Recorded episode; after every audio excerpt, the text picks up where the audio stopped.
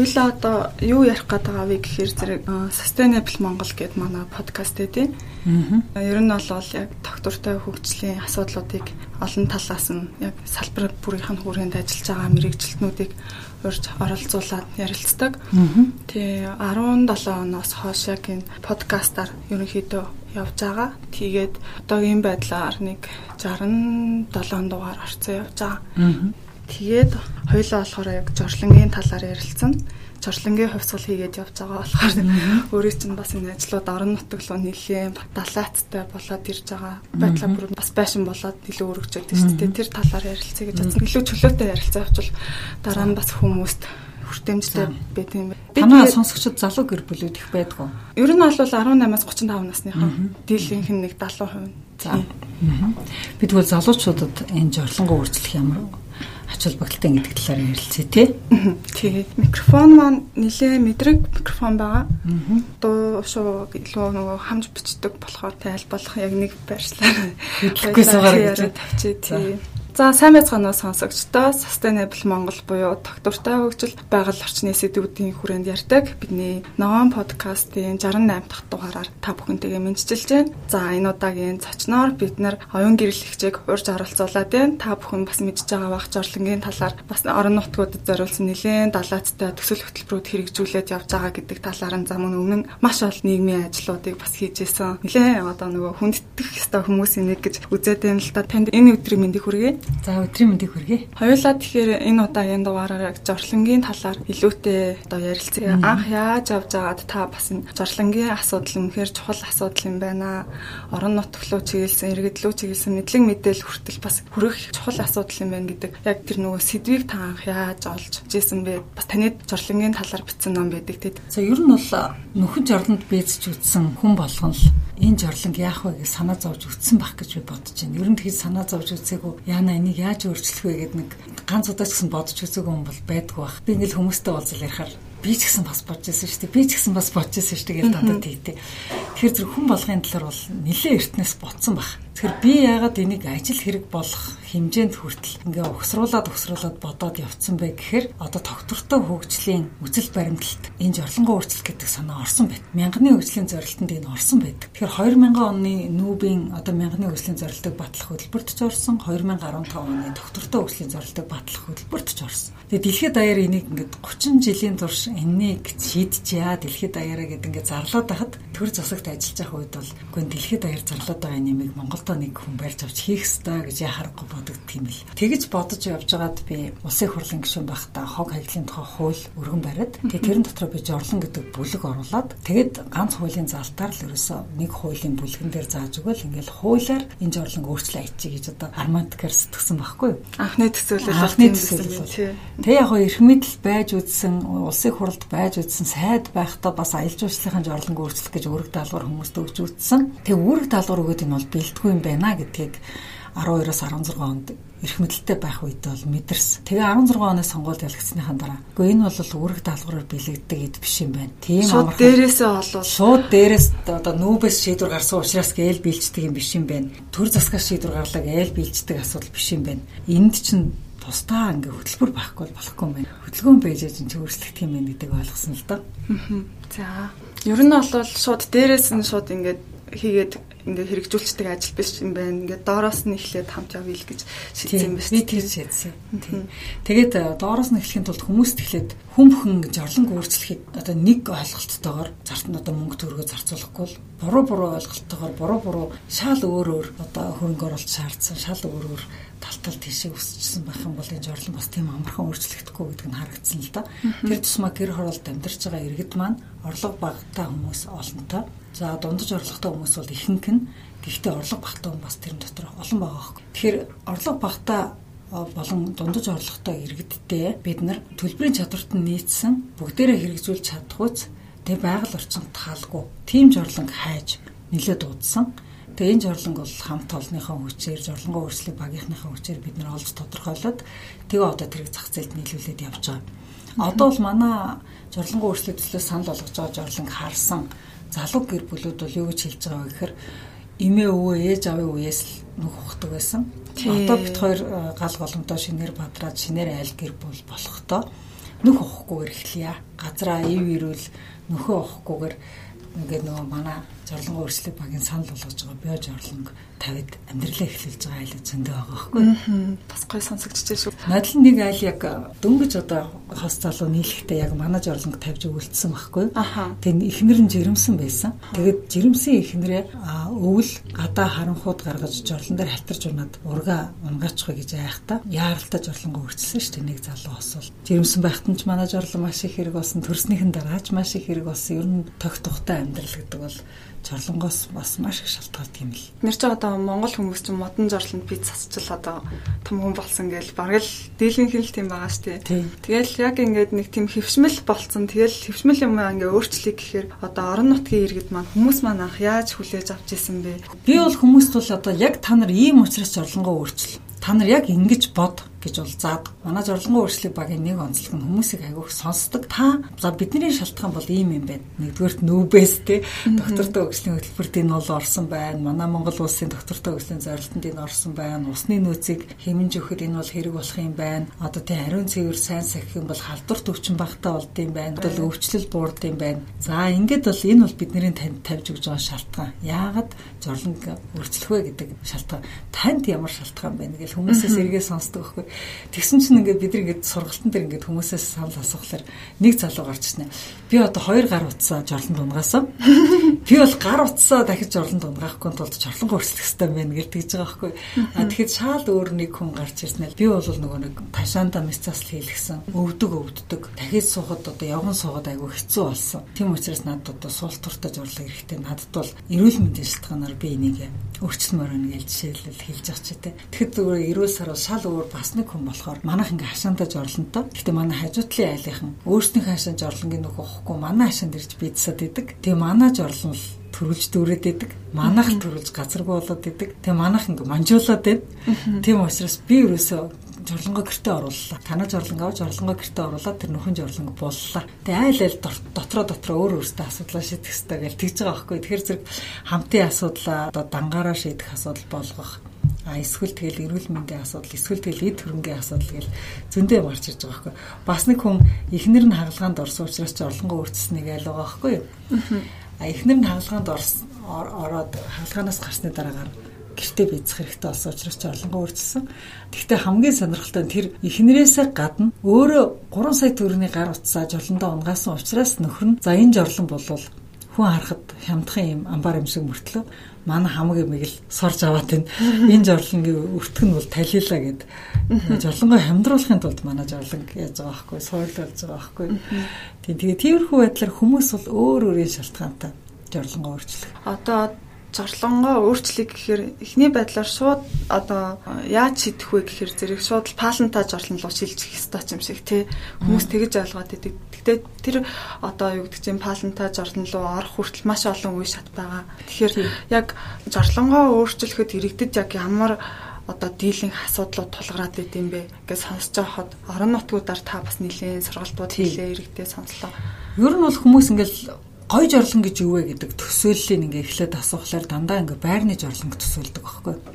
А тэгтэл байрны жорлон бол нэг бид нар бизнесэл ус татж байгаа шүү дээ. Ус татах тэр төвчлөр дээр л дараа л бидний ажил дуусч байгаа байхгүй. А гэтэл жинкнэрээ бол тэр усыг татахын тулд тэр жорлонд усыг байлгахын тулд эхлээд худгаас ус татаад одоо маш олон шугам хоолоо татчихж байшин руу эхлээд тэр усыг оруулж дараа нь Бид нэр бизнесний дараагаар усаа татхад тэр бохор усыг зайлуулах баахан дэд үс татаад тэр нь цэвэрлэх боломжинд очоод цэвэрлэх боломжинд 3 үе шатаар цэвэрлэгдээд дараа нь туулгол руу орно. Өөрөлдөл бидний бизнесийн эцсийн одоо хаягдл бол туулгал руу цэвэрлэгдээд ордог байхгүй. Тэгэхээр зэрэг ерөнхийдөө бол байгаль орчин тогтвортой хөгжил, усан хамгааллын ирээдүгөө цэвэр онгон дагшин байгальтай аль болохоор цэвэр устай нийгмийг ирээдүйхөө хүүхдүүд залуучуудаа үлдээ гэвэл жорлонд ус татхайг аль болохоор багасгах хэрэгтэй байна. За багасхын тулд яах вэ гэд бид нэг ингэ бодглохлоор ус татахгүй хуурай жорлон бол дэлхийд даяар аяйгүй хурдтай хөгжиж байна. Бид нар бол интернет хөгжиж байна, гар утас хөгжиж байна гэдгийг хараад байдаг. Жорлон хөгжиж байгаа гэдгийг сайн харддаг юм бэл. Жорлонгийн хувьсгал болоод байна тэгэл тий. Гүбэр хувьсгалаар барахгүй жорлон бол тасархаа хөгжиж байгаа юм бэл. Одоо бол ерөөсөө нөгөө ус татдаг жорлонч маш их ус хэмнэлттэй болж хөгжиж байна. Ус татдаг хуурай жорлонгууд цаг хугацаатай уралдаад маш хурдтай хөгжиж байна. Тэгэхээр зэрэг бид нар бол тэр сүүлийн үеийн хурдтай хуурай жорлонгууд чинь хүн сууж пицца товчлуур дарсны дараагаар биднээс гарч байгаа өтгөнийг гяс шатаагаад үн сулгачдаг жорлон байна. Гяс хөлдөөгөөд хөлдөөчдөг жорлон байна. Хөрөгчөнд хийсэн юм шиг гяс хөлдөөдөг. А эсвэл гяс хатаагаад те шээс месийн тусад нь ялгаад шингэний тусад нь ялгаж гаргаад өтгөний тусад нь хатаагаад ингээд жижигхэн боршоруулгачдаг жорлон байна. Тэгэхээр зэрэг ийм амар одоо төгсөрцөн хураа жорлонгууд бол айгүй үнэтэй. Дор хаяжл 10 сая төгрөгнөөс дээш үнэн яригдана. А харин бид нар төлбөрийн чадварт нийцэх монголчуудын маань төлж дийлэх сая төгрөгөнд багтах жорлон хайж байгаа байхгүй юу? Боломжит тийм боломжит хувилбар. Тэгэхээр зэрэг манай төслийн оруулж ирсэн жорлон бол 15 жилийн өмнө бүтээгдсэн жорлон. 15 жилийн өмнө дэгдээд одоо Европын хойд Европын айлуудын хэрэглээнд 15 жил хэрэглэгдээд туршигдаад ингээм амжилттай нэвтэрсэн тийм жорлон бид нар оруулж ирсэн байхгүй юу? Тэгэхээр Цэцгийг та танилцуулаач. За манай журлан бол яг яг суултур дээр суун. Суугаад шээхэд бол шээс нь уршигаа тустаад салаад шээс нь тустаа ингээ гуурсаар дамжаад канистр руу орно. Эсвэл газар руу шингэн. Эсвэл одоо угаацныхаа байгууламж руу холбоод шээсний гуурцыг тусад нь явуул. Өтгөн нь бол аршигаа хувин дотор одоо байгаль 100% шингэдэг бие уутан дотор орно. Тэгвэл тэр бие уутныхаа ёроолт ингээ 5% зузаан үртэс дэвсэд өгсөн байх хэвээр. Тэгээд тэр үрцэн дээрээ бийдсэн. Үрцэн дээрээ бийдснийхаа дараа нойлын цаасаа дээр нь хийчин. Тэгээд дээрэс нь үрцэр хүчин. Тэр үрцэн дотор задарч байгаа баас гэдэг бол байгальд эргээд шимт хижээлээ үлдээн гэсэн. Байгальдаа эргээд хэрэгтэй задралд орно гэсэн үг. Эргээд түүнийг бол өөс ногоо хэрэглэж ургана гэсэн. Аа тийм учраас бид үртэс хийх гэсэн байхгүй. Үрц үрцэндээ тийм нөгөө модны харуулны тийм зоргоц биш. Яг хөрөөний тийм нарийн ширхтээ үрц хийж байгаа хэвээр Тэр хөрөөний нарийн ширхтээ үрдсний ид шидний юундаа байд юм бэ гэхээр одоо шээс мэс тэм өтгөнд одоо цоцоо мацгалдлаа гэдэг шингэнийг маш хурд өртөө шингээж авдаг элс шиг а нөгөө талаасаа үнрийг маш сайн тарт. Ерөөсөө дээрэс нь үрцээр очихтал паг гэл үнэргүй болцдог байхгүй. Тэгэхээр үртэс маань хэр одоо тийм хүртээ хэмждэг хэр их байт юм болоо яг үртэс маш их байдаг. Одоо мужаан цехүүд бол үрцэн яхаа мэддэггүй шүү дээ. Яг л үрц чинь мужаан цехэд хитрхээ ороод байх юм бол галын аюултай байхгүй. Тэр хүмүүс чинь нөгөө үрцэн мужаан цех дээр ажил явуулж байгаа бол тэр үрцээ зайлуулах нь мужаан цехийн аюулгүй байдалд хэрэгтэй байдаг. Ер нь хөрөө төлөө хаана хөрөөдөж байна. Хаана одоо модны үрцэн олж байна. Тэр газраас үрцүүдийг бол яралтай зөөж зайлуулж явах хэрэгтэй байдаг байхгүй. Тэгэхээр тэр зайлуулах гэхээр автаг газар байдгүй учраас үрцнүүд ингээ овоороод байж байдаг. Тэгээ ерөнхийдөө бол галын аюултай хаягдл байхгүй. Тэр тэр галын аюултай хаягдлыг бол уутлаад уутлаад одоо хуураж орлонтой хүмүүс авч явах хэрэгтэй юм л да. Тэгэхээр нарийн ширхэгтэй одоо хөрөөний үрцс бол нэг айлд 3 шудал орондоо жилдээ. Тийм баг ордог шүү дээ. За бүр их олон хүнтэй айлд бол нэг 5 шудаа орох бах. Нэг шудаа үрцээр хүн чинь бараг 2 сар болно шүү. Тий. Хүмүүс ерөөсөө ингээд айгүй хүрц орох бах. Бид нар айгүйх баадаг бах гэж боддог байхгүй. Гэхдээ хүмүүс чинь айгүй баг баадаг байхгүй. Өдөрт нэг хүн ерөөсөө л 300-аас 400 г л юм гаргаж байгаа шүү дээ. Тэгээд чинь хоороо үрцээр дарчхаар үрцэн өтгөний чинь нойтонгийн өөртөө шингээж аваад нөгөө хоороо жижигхэн овор багтай юм болцдог байхгүй. Тэр өтгөн чинь маш хурдан овор багтай болцдог. Овор нь жижигэрдэг байхгүй уутан дотор ороод.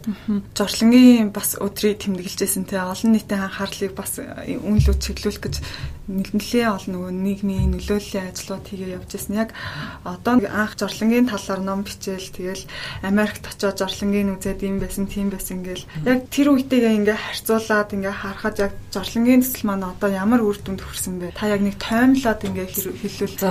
Анх зорлонгоо өөрчлөе гэдэг номыг бичиж байхдаа би хаанаас эхлэх юм, ямар зорлонг зах зээлд нийлүүлэх юм, хэн жорлон хийх юм, хэн худалдаж авах юм, хідээр худалдаж авах юм гэдэг талаар анхны төсөөлөлгөө бичижсэн. Нэг л олон гадаадад үйлдвэрсэн гой жорлонгол сурталч сурталчлаад байдаг. Хин нэг нь энийг барьж аваад хийгээсэ гэдэг л юм мөрөөдөлтөй одоо барьцгүй эхэлж байсан. А түүнтэй харьцуулбал өнөөдөр бүх юм барьцтай болсон жорлонгийн бүхэгийг хийдэг жидүүнүүд нь тодорхой болсон. Жорлонг нийлүүлдэг компанитай, жорлонг нийлүүлдэг хоршоотой, жорлонгийн онцгой эрхтэй хоршоотой. Тэр онцгой эрхийн дагуу те бусад жидүүнүүдийг сүлжээндээ нэгтгээд өөрийн гэсэн те платформыг босгоод нээлттэй бэлтгэн нийлүүлэгчийн платформтай хаалттай борлуулагч нарын платформтой IT дээр суурилсан ийм нөгөө нэг төлбөрийн автомат системтэй хилцлийг болон гэрээг онлайнаар хийждэг тэг хүмүүсийг гэр герт нь байхад нь гэрээс нь явуулахгүйгээр гэр герт нь байхад нь уцаар нь худалдаа наймаага хийждэг кодыг өгөөд өгч явуулаад кодоор нь төлбөр тооцоо тооцоогоо нийлцдэг одоо бүх юм нэлээ автоматжсан. Тэгээд жорлонгийн лизинг гарцсан байгаа. 800 мянган төгрөгийн хурааж орлон гэртээ авч суурлуулъя гэвэл 160 мянган төгрөгийн урьдчилгаа төлнө сар болгон 32 мянган төгрөг төлнө. Угсралтыг бас 50 мянган төгрөг төлнө. За их зузаан ханта их төвхтөө угсрахад төвхтөө байшинд угсруулж байгаа бол 100 мянган төгрөг төлнө. Зүгээр энгийн хийцтэй бүхээ гамбар, тамбар те ханд суурлуулж байгаа 50 мянгаыг төлөө суурлуулдаг.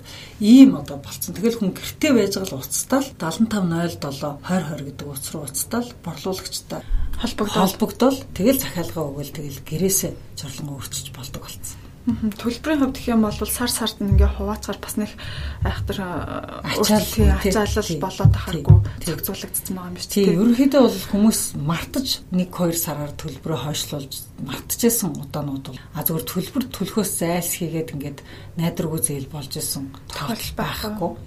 А тэгэхээр хүмүүс ер нь бид нар одоо автомат одоо мессежинг системээр хүмүүст таны төлбөр төлөх цаг болчлоо ийм данс руу мөнгө төлөрөө гэдэг автомат сануулгыг одоо энэ сараас эхлээд хийдэг байгаа. Тийм. Одоогийн байдлаар 340 хүн зээл авчаад явж байна. 500 зээл үргэлжлүүлээд явж байна. Тийм.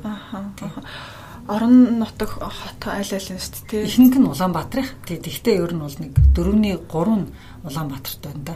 Тийм 4-ний 1 нь хөдөө орон нутагт байна. Тэгвэл одоо би зүгээр жортлонгоо өөрчлөгээд саяны дугаар руу холбогдоод тэгэл зэлийнхаа гэрээг хийгээл онлайнаар бүх юм болчих юм биш тий. Чи регистрийн дугаараа хэлнэ, нэрээ хэлнэ, хаягаа хэлнэ. Тэгээд э, гэр дотроо хэлэх юм уу, бүхээг тусдаа захиалах юм уу гэдэг захиалгуудаа хэлнэ. Тэгээд одоо юу юм? Ер нь тэр жорлонг суурлуулсны дараагаар одоо биологи гэдэг нэртэй хураж жорлон бид нар түгэж байгаа байхгүй юу? Энэ жорлонг суурлуулсны дараа гарах ашиглалтын зардал нь бүр үнэн гоё. Жилдээ ерөөсөл 6000 төгрөг л гарна. 6000 төгрөг нь одоо ямар жилийн зардал Тэрэн дотор 6000 төгрөгийн био уут гэдэг юм дагалдаж ирнэ. Тэр нь одоо 12 одоо 20 ширхэг био уут дагалдаж ирнэ. Тэр 6000 төгрөгөө би утал та жилдээ нэг удаа авчвал тэрэндээ нөгөө өтгнөө хийдэг байхгүй үрцтэй өтгнөө хийгээл тэгэл ачуулдаг байхгүй. Ачуулдаг утасны дугаараа нөгөө борлуулагч чинь өгнө. А зарим одоо түүхүүд бол био хаягдл авдаг болсон түүхүүд байгаа мэлээ тийм ногоо түүхийн тийм ногоо машинд бол ачуулна. А эсвэл хашаанд чинь ингээд хөрс чинь айгу муу ингээд ургамал ургадгүй тийм нэг цемцэг хөрстэй болсон хашаанууд гэдэг тэгсэн байгаа бол шим тижээлгүй болсон хашааг бол яах ёстой гэхээр газраас ахын ухаад нэг тохоо эрттэй газар ухаад тэгээ нэг ууттай өтөхнөө тэрэн дотор игээд булаад шороогоор очих хэвээр 30 см шороогоор очих хэвээр тэгэхэд тэр шороо бол газар доор тэр үржил шимгүй болсон хөрсийг үртээс өтгөн хоёр чинь газар дор задрахта хөрсийг шим тижээлтэй болгож өгнө. Буцаа бортой болчихсон. Буцаагаад одоо хөрсөн дотор органик материалч нь хөрсөн дотор шороотойгоо холдож өгнө гэсэн. Тэгэхээр зэрэг хөрс бол шим тижээлтэй болно. Мод бол ургана. Ургамал ургаж эхэлнэ гэсэн үг тийм газар. Одоо анзаараад тад 340 орчим хүмүүс жорлонгоо салцсан байна гэж байна тий. Тэгэхээр одоо ямар насны бүлгийн хүмүүс яг жорлонгоо өөрчлөх тийм хүсэл эрмэлзэлтэй байгаад байна. Одоо амьдралынхаа хөвшил нь одоо тогтцсон одоо 50 60 та хүмүүс ингээд цолоход амьдралын одоо тогтцсон хөвшлийг өөрчлөхөд хэцүү байгаад байдаг шүү дээ. Яг нөгөө анзаараад харахад одоо хөвчлэн залуу гэр бүлүүд байгаад байна уу? Яг 50 50-тай байгаа. Аа за. Ер нь бол залуучууд айгүй ширүүн өөрчилж байгаа. 50% нь бол ер нь залуу гэр бүлүүд одоо бага насны хүүхэдтэй гэр бүлүүд өөрчлөлж байгаа. Яг гэвэл бага насны хүүхэдтэй гэр бүлүүд чинь нөгөө гатаа нөхөн жорлонтой байхаар хүүхэд нөхөн жорлон дуунж нас ордог нэг аюул биш үү Монголд те. Тэрнээс хүүхдээ хамгаалж байгаа. Хоёрдугаарт нөгөө хүүхдүүдтэй гадаа жорлонд бийц солонд хүүхдээ дагуулж гарч өөрөө авчиж бийц сулж өгд юм байна ээж аав. Тэгэхээр зэрэг хүүхэд бийцсүүлнэ гэдэг чинь айгүй их цаг шаардаад дээ тэр гэр бүлээс те. Гадаа гарна хүүхдээ авч гарна хүүхдээ дулаална хувцсыг нөмсгөн гадаа гарч бийцсүүлчихэд буцааж хөтөлж оруулж ирээд хувцсыг тайлна. Тэгээ энэ хооронд бол хүн хийх ажлаа маш их алддаг. Тэгэхээр тийм олон хүүхдийг гадаа дагуулж гарч бийцсэх ажлаас нэгдүгээр төрөгөө чөлөөлөх, хоёрдугаар хүүхэд гадаа тоглож байгаа үед нэг жорлонлоо унчих вэ гэж гадаа цуг гарч харуулд зогсох гэж бас нэг ажил хийдэг. Тэгэхээр энэ хоёр ажлыг ажил бол хүний цагийг маш их авдаг учраас ийм бага насны хүүхэдтэй гэр бүлүүд бол эхний ээлжинд бас жорлонгоо солиулъя гэдэм юм. Тэгэхээр зэрэг манай ер нь хэрэглэгчдийн 50% нь бол бага насны хүүхэдтэй залуу гэр бүлүүд 50% нь бол одоо ач зээ нэртэй эмээ өвнөр бас байна. Тийм тэгээд бас нэг өөртөө бас нэг тогтоод тавтай амьдрий да одоо нөхөн жорлонд одоо дахиж ёстой бицмаргүй гэсэн хүмүүс эхний ээлжинд ирж байна л да. Зугаасаа нөгөө Улаанбаатар хотын хөрсний бохирдлын асуудал айгүй аюултай хэмжээнд хүрсэн гэж судлаач яриад байдаг. Тэгснэ хавар болоод зун болоод ирэхээр гар хөл амны өвчлөл гээл ахаал нөгөө орчны бохирдлоос үүдэлтэй халдвар төвчнүүд хүртэл нэмэгдэг. Тэгэхээр яг энэ олон эрсдлүүдийг бас энэ жорлонгоо өөрчлөлтнөрөө бас ингээд бууруулах боломжтой гэж ялцчгүй харагдаад байна л та. Тэгэхээр дараагийн одоо төлөвлөгөө юу байгаа вэ? За ямар төлөвлөгөөтэй байна гэвэл их сонирхолтой төлөвлөгөөтэй байгаа. За ер нь бол гэр бүлүүдэд өөрийнхөө айлуудад зориулаад хашаанда өөрийнхөө өмчийн газар дээр хуураж орлонтой байшин барихт нь одоо бүтээгдэхүүнээ бид нар бэлдэж байгаа. За тэр нь ямар гэдэг байшин бэ гэхээр хагас пассив байшин гэж бид нар нэрлэдэг байгаа. За энэ бол дотроо хуураж орлонтой угаацны байгууламжтай. Ерөөсөө угаацаа гадаа гаргаж асахгүй гэрээсээ асгах гэсэн үг шүү дээ. Тэгээд тэр угаацны хоолойг шээсний хоолой энтертэйгээ холбоод тэгээд хурааж орлонгийнхаа өтгөнийг бол нөгөө тусад нь авдгаар аавна. Шээс угаацсан тусдаа угаацныхаа байгууламж руу орно. За ингээд байшингийнх нь хан маш сайн дулаалгатай байна. Маш сайн битүүмжлэлтэй байна. Тэгээд маш зөв газараа цонхнуудтай нарны гэрлийг маш сайн өөртөө шингээж авч дулаацуулж чаддаг ийм байшин байна. Тэгээд дээр нөгөө гаднаас орж ирж байгаа хүүтэй агаарыг дулаацуулж тийм агаар одоо агаар сэлгэгч төхөөрөмжтэй байна.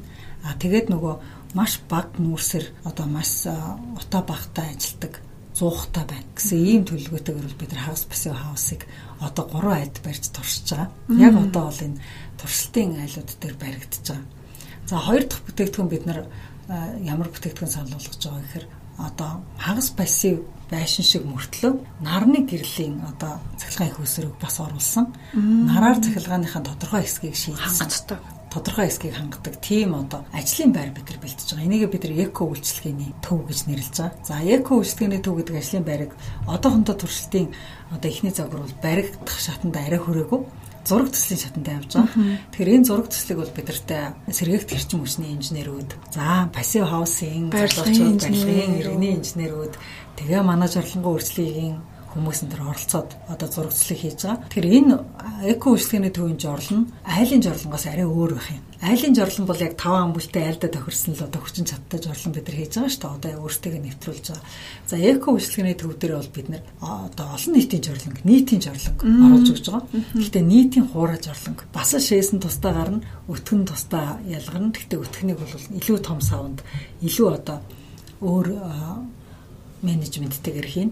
Тэгэхээр зэрэг урд нь одоо жижиг жорлонд бол хүн айлууд нэг сардаа нөгөөдөө жорлонгоос сулдгах ажил хийдэг бол за эко үйлчлэгээний төв дотор бол бид нэг хагасчльдээ нэг жорлон сулдах ажил хийлгэхээр тэгж бол бид нар жорлонгийн хүчин чадлыг тооцоолж байгаа.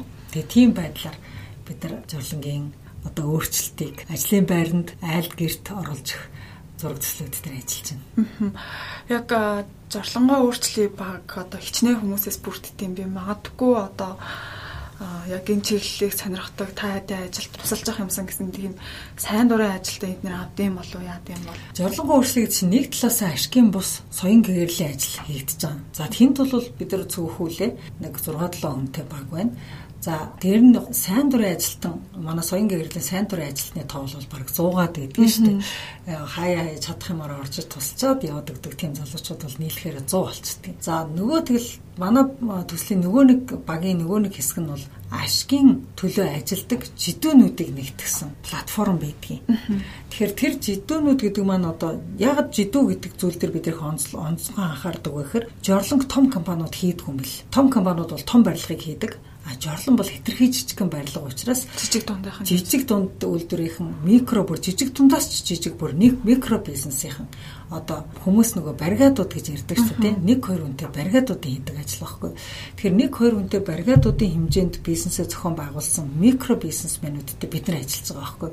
Тэгэхээр энэ микро бизнесмэнүүдээрээ ингээд нийлүүлээд оруулаад одоо яг зовлонгийн ажилд оролцож байгаа хүмүүсийг үзэхэд бол 200 гарчдгийг. За дээр нь энэ микро бизнесийг микро бизнесийнхэнтэй ашигтай болгохын тулд ажиллаж байгаа хүмүүс гэж бас байна. Тэр манай IT-ийн багийнхан байна, харилцаа холбооныхан байна, зураг төслийн инженерүүд байна. За одоо ингээд зураг төслийн инженерүүдтэй маань хамтраад ажиллаж байгаа бас тийм бүтээгдэхүүн хөгжүүлэлтийн инженерүүд маань байна. Энэ инженерүүдийг нэмэх юм бол одоо манай баг бол яг л 200 гаруй хүний багтай ийм төсөл гэж хэлж болно.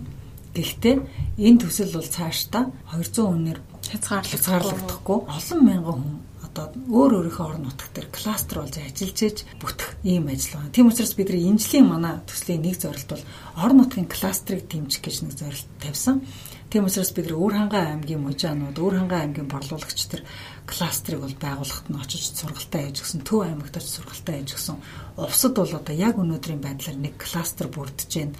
Увсад захиалагч нь тусдаа, одоо бэлтгэн нийлүүлэгч нь тусдаа өөртөө нийлээд хог хаягдлаа хамтгууд нь тусдаа, авсан хог хаягдлаар модоо тарьдгууд нь тусдаа гэдэг ингээд нийлүүлээд бид нар увсад бол айгүй хөрхэн кластер бас байгуулагдаж байгаа. Тэгэхээр зэрэг бид нар бол увс хөвсгөл одоо баян хонгор, өөр хангаа, төв гэдэг одоогийн байдлаар яг орон нутгад манай төслийг ингээд цааш нь аваад явж чадах юм лав таун кластертай байгаа. Тий. Тэгэхээр энийг сонсож байгаа залуучуудад хандаад хэлэхэд өөрийнхөө дүүрэгт, өөрийнхөө амьдардаг аймаг суманда кластер зохион байгуулалтыг гэвэл бидэртэй шууд холбогдож болно. Тэгэх юм бол би одоо миний утас руу шууд мессеж өчөж болно. 9911 5109 би одоо танаж орлонгоо өрсөлдөг төслийн орон нутгийн кластерыг байгуулъя. Би өөрөө борлуулъя, эсвэл би өөрөө мужаан байна, би өөрөө бүхээг хий, би өөрөө угаацны байгууламж хий, би ч орлон өгсөрч сурыг. Тэгэд ингэх юм бол бид нартай шууд холбогдож болно. Тэгэх юм бол бид нар тийм одоо гарын урдгуутай эсвэл одоо хамтраад бизнес хийх сонирхолтой тийм одоо бизнесмэнүүдийг л орон нутаг нутагт нь кластераар нь боожулж өгөх ажлыг одоо хийгээд байгаа байхгүй. За тэгэхээр та бас дээрээс нь бас энэ жорлонгийн асуудлыг шийдэх гэж нэлээд хэсэг явж ирсэн. Доороос нь одоо ингэж явж байна. Тэгвэл яг одоо дээрээс доороос ингээ хамтдаа ингээ уялдаа холбоотой энэ ажлыг илүү үр дүнтэй боломжтой болгохыг гэх юм бол яг ямар шууд дэмжлэг туслал заа ингээ хэрэгцээ байгаа даа. Одоо юу гэдэг чинь төр засгийн хувьас гэдэг юм зөвхөн л хог хаягдлын хуультайгаа холбоол гэдэг тийм. Ер нь бол хувийн хөвшил бол энэ ажлыг хийж дуусгах юм билээ. Одоо яг жинкнэрээ жорлон зөв өөрчлөөд жинкнэрээ одоо хүмүүсийн яг хүссэн өөрчлөлтийг авчирж өгөх эзэн хинбэ гэвэл хувийн хөвшил. Тэгэхээр хувийн хвшил дотроо хувийн хвшилчийн олон бүрэлдэхүүнтэй байгаа шүү дээ. Том компаниуд, дундаж компаниуд, жижиг компаниуд, банк гэл ингээл хувийн хвшлих олон бүрэлдэхүүнтэй байгаа шүү дээ. Тэгэхээр энэ олон бүрэлдэхүүн дотор хамгийн ач холбогдолтой чухал бүрэлдэхүүнүүд бол жижиг, дунд житүүнүүдийн гарт энэ бизнес очих хэрэгтэй байлаа. А санхүүжүүлэгч талдаа бол энэ дээр банкнууд, банк бус санхүүгийн байгууллагууд лизинг олгож чадах санхүүгийн хөөсөртэй сангууд маш чухал үүрэг гүйцэтгэх юм билээ. Тэгэхээр зэрэг тэр сангууд болон банкуд одоо жорлонгийн ногоон зээлийг жидүүнүүдэд өгье гэхэд яалчгүй төр засагт оролцоо хэрэгтэй болж байгаа. Яг бол банкны бодлогын хүнээс бага хүүгээр зээл өгөх хэрэгтэй. Тэгжээс нөгөө төлбөрийн чадвар нийцнэ. Тийм учраас тэр бодлогын хүүгээс бага хүүгээр жидүүнүүдэд зээл өгөхийн тулд хүүгийн хөнгөлт авах хэрэгтэй болдог. Тэгэхээр тэр хүүгийн хөнгөлт бол төр засгийн оролцоотой хийгддэг бизнес аахгүй юу? Төр засгийн оролцоотой хийгддэг хөнгөлт байхгүй. Тэгэхээр тэр хөнгөлтийг бол төр засгаас үзүүлж өгч чадах юм бол банк жидүү хоёр маш зөв холбогдох юм билээ. Яг одоогийн байдлаар бол 3 банк жорлон дээр ногоон зээл олгоод эхэлсэн. Яг энэ сараас олгоод эхэлсэн. Тэгэхээр энэ холбоос бол одоо өөр ирэхгүй органикаар үүсэж гэнэ гэсэн үг. Тэгэхээр тэр хүүгийн хөнгөлтөг бол төр засгаас үзүүлээд эхэлсэн тэр засгийн газараас үзүүлж байгаа хүүгийн хөнгөлтийн дагуу одоо бол хас банк, хаан банк, төрийн банк гурав ногоон зээлийг олгоод өгсөн байна. Жилийн 3% яаны хүүгийн татаас яг зөв, яг зөв. Тэр хүүгийн татаас гэдэг бол хамгийн зөв дэмжлэг. А төр бол өөртөө жорлон өөрчлөх гэж нэлээд оролцсон. Өөртөө тендер зарлаа, жорлон байгуулах хүн байна уу гээл хашаа хороонуудад очиж орлон байгуулах гэл ингэж үзсэн. Сүүлийн 3 жил одоо манай төслийг органикаараа тий эдийн засаг одоо яг хувийн хвшилтэд тулгуурлаад явуулж байгаа манай төсөл яг төрийн тендерээр зарласан төсөл хоёрыг ингэж зэрэгцүүлээд харахад жорлон дээр бол органикаараа явсан дээр юм байна гэдэг нь л харагдаад байгаа байхгүй. Тийм учраас тэр органик хөгжлийн дэмжихийн тулд одоо зээлийн хөнгөлтийг л үзүүлэх хэрэгтэй. Тэгэхээр энэ хөнгөлт бол одоо яг энэ сараас эхлээд очиод эхэлж байгаа нь одоо жорлонгоо өөрчлөх асуудал бол нэлээд хөгжих юм бас эхлэл. За нөгөө талаас бол одоо ингээ орон нутгийн сонгуул эхэлж байгаа толгойдуулаад хоёр үг хэлэхэд орон нутгийн сонгуульд жорлонгоо өөрчлөе гэдэг урайтай орохж байгаа. Энэ ажлыг хийх гэж байгаа нэр дэвшигчнэр нэлээд байгаа юм билээ. Аа за. За. Над руу бол хүмүүс ярьсан. Нам аргалзахгүй ярьж байгаа. Би нам аргалзахгүй жорлонгоо өөрчлөе гэдэг одоо үзэл санаатай ийм одоо амлалттайгаар орж байгаа орон нутгийн нэр дэвшигчдэд би бүгдээр нь амжилт хүсхийг хүсэж байна. Яг бол тэр хүмүүс ялаад гараад ирчихвэл бас орон нутгатаа энэ ажлыг зохион байгуулах илүү хялбар болно. Орон нутгатаа жидүүнүүдэд илүү их дэмжлэг хурдан ирнэ. Орон нутгийн жидүүнүүд хурдан сургалтанд суун. Одоо хурдан хугацаанд тэр орон нутгийн иргэдтэй зөвшөлдсөж жорлонгийнхын технологи дээр зөвшөлдсөн. Тэгээд маш хурдан хугацаанд тэр санхүүжил зохион байгуулалтууд шийдэгдэх боломжтой. Тийм учраас ер нь бол би улсын хурлын сонгуулиас илүү энэ орон нутгийн сонгуульд их найдвар тавьж байгаа. Жорлонгоо өөрчлөх ажилд маань их хөв нэмэр болох сонгуул болоосоо гэж бодож байгаа. За за тэгвэл яг энэ хувийн хвшлийнх нь хоорондоо илүү уялдаа холбоотой байж чинь ажил маань цаашаа илүү сайн өргөжөөд явах боломжтой юм шүү дээ тий. Тий. За тэгэхээр энэ удаагийн дугаараар бид нэр жортлонгийн талаар оюун гэрлэгчтэй ярьлаа. Тэгээд яг нөгөө энэ талаар хэрвээ сонирхож байгаа юм бол түрүүний хэлсэн одоо нөгөө уцуудаар холбогдоод тэгээд хийж чадах зүйлс байвал тэр орон нутгийн кластер бас болох боломж байгаа юм биш үү гэдэг мэдээллүүдийг бид та бүхэндээ хүргэлээ. За тэгэхээр үнтэй цагаа бид нэртэй ингээд хуваалцж агаад танд маш их баярлалаа. За баярлалаа. Подкастт өрсөнд баярлалаа. Тэгээ энийг сонсож байгаа залуучууд маань бас жорлонгоо өөрчлөх хөдөлгөөнд бодтойгоор тийм бизнесийн утгаараа хөв нэмэр оруулаасаа гэж хүсэж байна. За за баяр та.